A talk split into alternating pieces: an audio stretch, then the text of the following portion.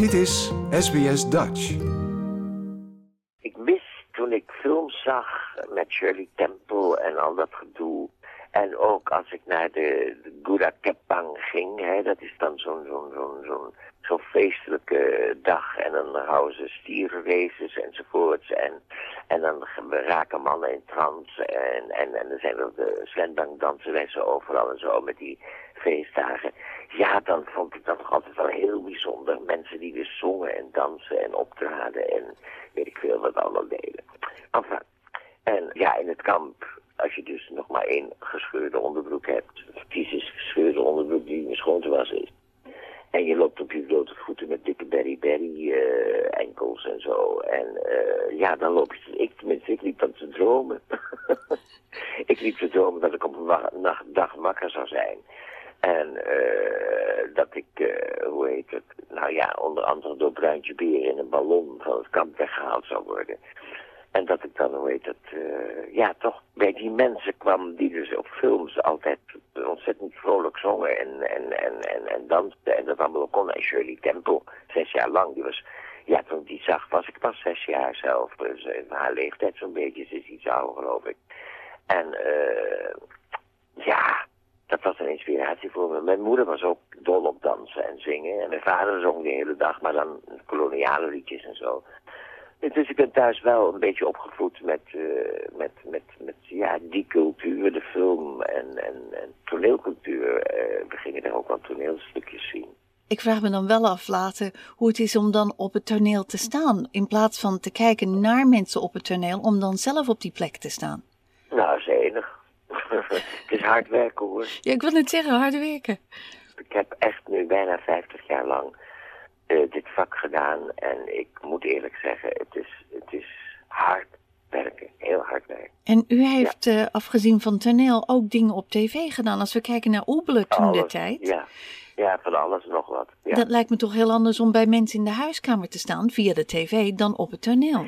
Ja, maar dat merk je zelf niet. Je maakt, je doet, kijk, je speelt je rol en dat vind je leuk. En uh, het leuke van toneelspelen is, het is toneelspelen. Je bent dus altijd kind, je blijft altijd spelen.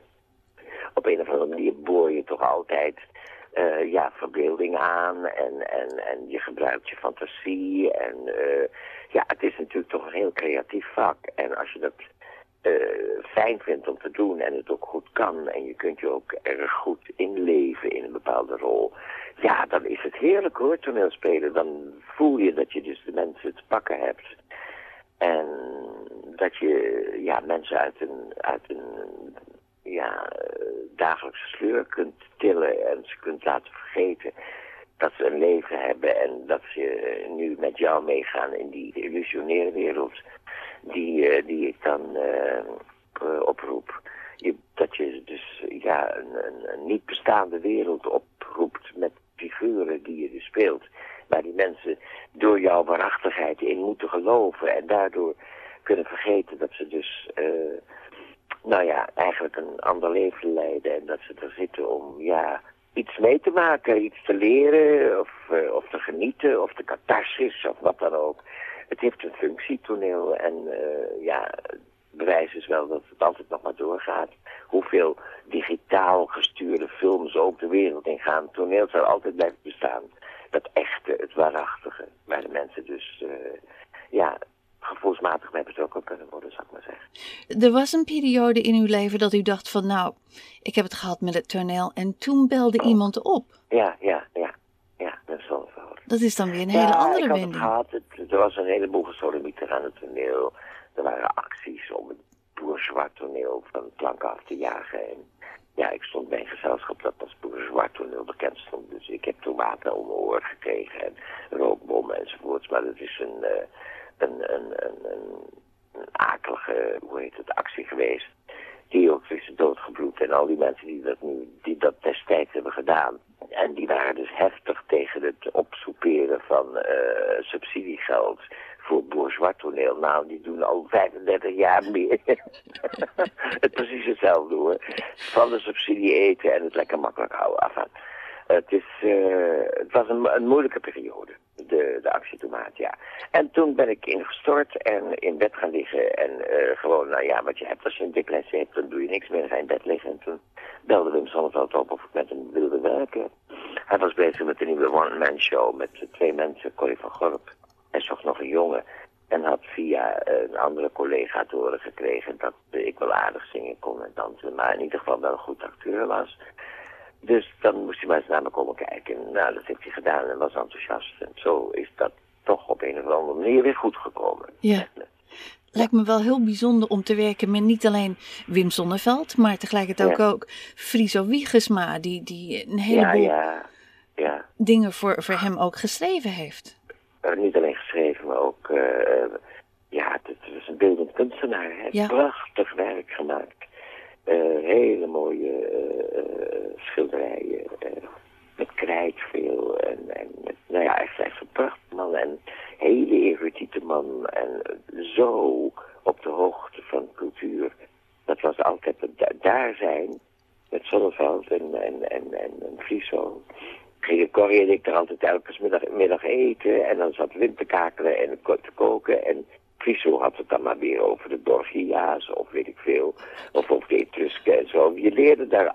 Het was, het was inderdaad... Het huishouden van Wim was een heel cultureel clubje hoor. Dat waren dus allemaal mensen die iets heel bijzonders uh, konden en, en waren. Het is een, een, een goede leerschool voor me geweest. Ik heb ook twee leukste jaren met Corrie en Wim doorgebracht. Alle drie kreeften. Hoef je dus niks te vertellen. Ja. Altijd ziek, altijd iets hebben. Altijd in die auto komen en zeggen, oh, ik heb zo'n hoofdpijn en ik heb vandaag niet geslapen. En dan zei Corrie van, oh, maar ik heb zo moeten overgeven. Ik ben zo ziek geweest, Wim. En dan zegt Wim, jullie weten helemaal niet wat ik meegemaakt heb. Ik heb de ambulance moeten bellen, want ik dacht ik ging dood, enzovoort, enzovoort. En dan zaten we elkaar te overtroeven in, in ziek zijn. En als we dan, hoe heet dat, in de, de Schouwburg waren, dan was er niets meer aan de hand. dan hadden we onze ziektes weggepraat met tegen elkaar. Nee, we hebben een ontzettend leuke tijd. Ja, En ik heb ook gehoord, het was moeilijk om uw lachen in te houden met, eh, met Wim ja, Sonneveld. ook wel. Ja, en Wim was natuurlijk toch een echte, ja, door de wol geverfde rot. En een leuke man die ook zei, je moet het leuk hebben. En als het, eh, als, als het publiek merkt dat je, dat je zelf er plezier in hebt, hè, Ja. en dan moet je ook af en toe gewoon zorgen ervoor dat je hè, onverwachte dingen doet. En dat je het spannend houdt op het toneel. En eh, dat heb ik dus bij hem geleerd om enorm vrij te zijn en niet bang te zijn.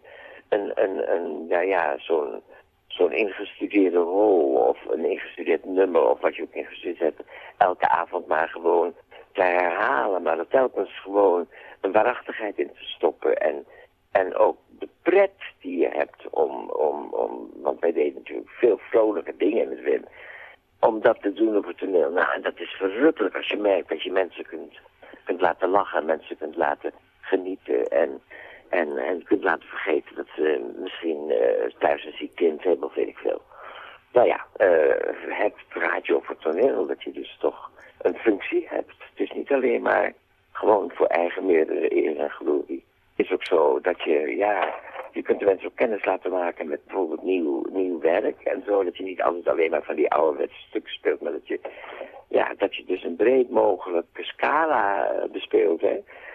Uh, avant-garde, uh, hoe heet dat, Saltimbank, uh, Feydeau spelen. Dat zijn allemaal hartstikke moeilijke genres hoor, want vergis je niet, mensen laten lachen is moeilijker dan mensen laten huilen. Echt waar. en als we van de ene grootheid naar de andere gaan, Annie M.G. Smit. Annie Smit, ja, dat is natuurlijk een geweldige vrouw. En Harry Banning. Ja. Uh, haar vaste uh, componist, zou ik maar zeggen. Ja, dat was natuurlijk een, een voorrecht dat ik daarmee heb kunnen, kunnen werken. En dat die mensen werk voor mij geschreven hebben. Dat is uh, echt fantastisch geweest. Ja, en zodoende ben ik ook in die musicals gerold verder. Want ik ben eigenlijk dus een gewoon een, een, gewoon, ja, acteur. En ik ben een acteur van deze. En ja, ik heb een beetje een ritmegevoel. En ik kan een beetje aardig zingen.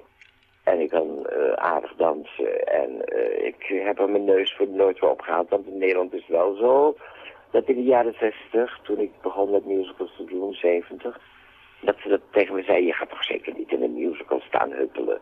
Weet je, dat is, dat is typisch Nederlands en Calvinistisch. Het moet dus hoge kunst altijd zijn. Hè? En... Vandaag de dag zie ik steeds meer musicals. Jawel, vandaag de dag niet alleen, maar het is al jaren. Joop van den Ende is echt 15, 20 jaar geleden begonnen met de grote musicals hier te brengen. En hij heeft goed gegokt hoor. Want ze zeiden allemaal, je bent gek dat je een theater in Scheveningen en dat je daar musicals doet. Dat, dat, dat, is, dat is binnen een half jaar is, uh, staat het leeg. Komt niemand meer. Nou, uh, die voorstellingen gaan er twee, drie jaar. En mensen komen uit alle delen van Nederland naartoe om te kijken. Want het zijn bijzondere voorstellingen en uh, ja, heel goed aangepakt en groot. En uh, het is een leuk theater. En ja, Joop, heeft, uh, Joop van Ende dan, hè, ja. heeft echt een, een, een, een, een, injectie gegeven aan het toneelleven in Nederland door dus de musical tot hoog niveau te ontwikkelen. Laat ik het zo zeggen. Ja. Vroeger waren het altijd maar slappe verhaaltjes met een liedje. Het zijn nu echt doorgecomponeerde uh, verhalen. En eigenlijk de moderne opera is het. Het is doorgezongen. En je moet verdomd goed kunnen zingen in, die, in, de, in de musicals uh, die uh, de laatste twintig jaar geschreven zijn. Want het is bijna allemaal stemacrobatiek en belten en af en wat noem het maar. En het is, het is heel zwaar werken ook. Als je er nog bij dansen moet en zo. Ja, want u was uh, in Nederland ook betrokken bij de zoektocht naar uh, jo Jozef. Ja, ja, ja, ja. Evita en uh, Jozef. En nu komt in december gaan ze Mary Poppins zoeken. Een, een meisje van Mary Poppins. Ja. En dat vind ik leuk om te doen. Dat vind ik echt heel leuk om te doen. Omdat je coacht en, en ik probeer heel positief te blijven. En niet mensen gewoon alleen maar afkatten als ze niet echt goed zijn. Maar gewoon, ze hebben auditie gedaan, ze hebben de, het recht om mee te doen aan uh, het programma. En dan moet je ze ook serieus begeleiden. En, ik moet zeggen, alle meisjes die bij Tivita meegedaan hebben... en alle jongens die bij Jozef mee hebben gedaan... hebben allemaal werk. Ze hebben niet allemaal hoofdrollen, maar ze hebben allemaal werk. Like, deel, geef je reactie. Volg SBS Dutch op Facebook.